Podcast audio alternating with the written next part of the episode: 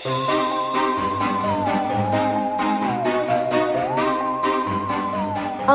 Mura Artinya, terbukalah Dari buku, bertebarlah ide dan inspirasi Suka baca buku? Pengen dapat inspirasi dan ulasan buku yang menarik untuk dibaca? Semut-semut klub baca akan menemanimu bertualang di dunia literasi penikmat buku dan bacaan edisi Oktober 365 hari Suara Semut. Selamat mendengarkan!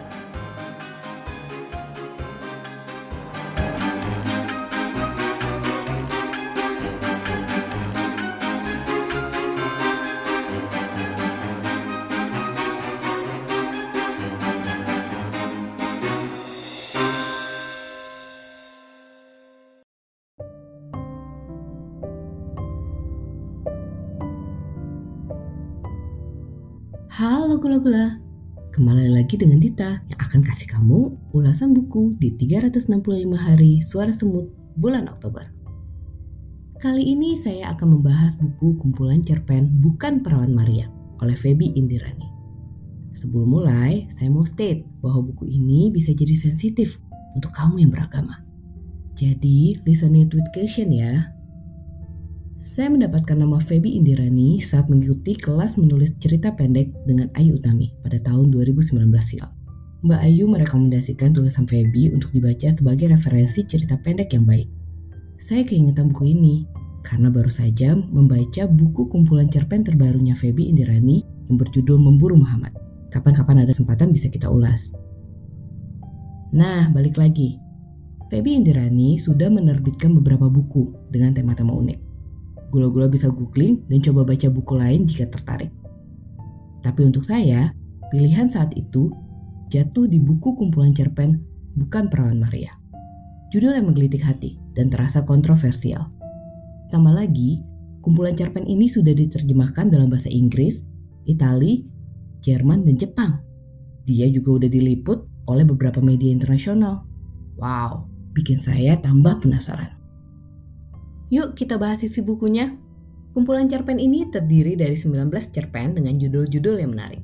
Beberapa di antaranya adalah cerpen pembuka yang berjudul Baby Ingin Masuk Islam, tentang babi yang ingin mengucapkan kalimat syahadat. Lalu ada cerpen komedi yang berjudul Iblis Pensiun Dini dan Malaikat Ingin Cuti. Kedua cerpen ini dihubungkan Feby secara santai dengan fenomena-fenomena yang terjadi dalam masyarakat modern. Lalu tentu saja cerpen yang judulnya didapuk menjadi judul buku, bukan Perawan Maria. Tentang Maria yang tingkah lakunya sangat jauh dari Bunda Maria ataupun Maryam, tapi tiba-tiba hamil tanpa campur tangan lelaki. Cerita-cerita lain juga menggelitik dan syarat dengan pembahasan mengenai isu yang kita lihat dalam keseharian, namun tidak dapat didiskusikan secara terbuka. Lewat kumpulan cerpen ini, Feby meminta kita untuk memikirkan dunia ajaib yang dibangun dari cara-cara manusia beragama. Bagaimana seseorang yang dengan ketundukannya bisa melakukan hal-hal yang dianggap aneh dan atau dalam bentuk ekstrim bertentangan dengan kemanusiaan.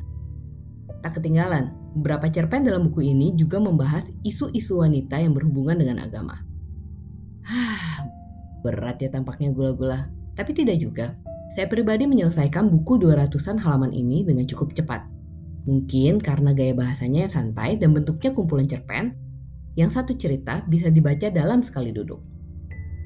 Saya juga bisa menemukan humor dalam beberapa ceritanya. Atlas, saya merekomendasikan buku ini bagi kamu-kamu yang suka bahasan isu agama yang dikemas dalam bahasa yang ringan. Apalagi kalau ada teman diskusinya setelah baca.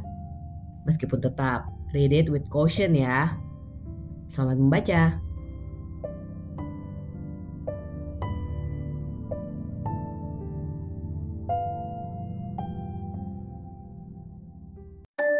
Terima kasih sudah menyimak episode dari Klub Baca SMK. Ikuti terus ulasan dan rekomendasi bacaan seru di episode lainnya, serta follow akun Instagram Kaizen Writing Alumni untuk info terbaru siniar semut merah Kaizen. Finite, incantatum.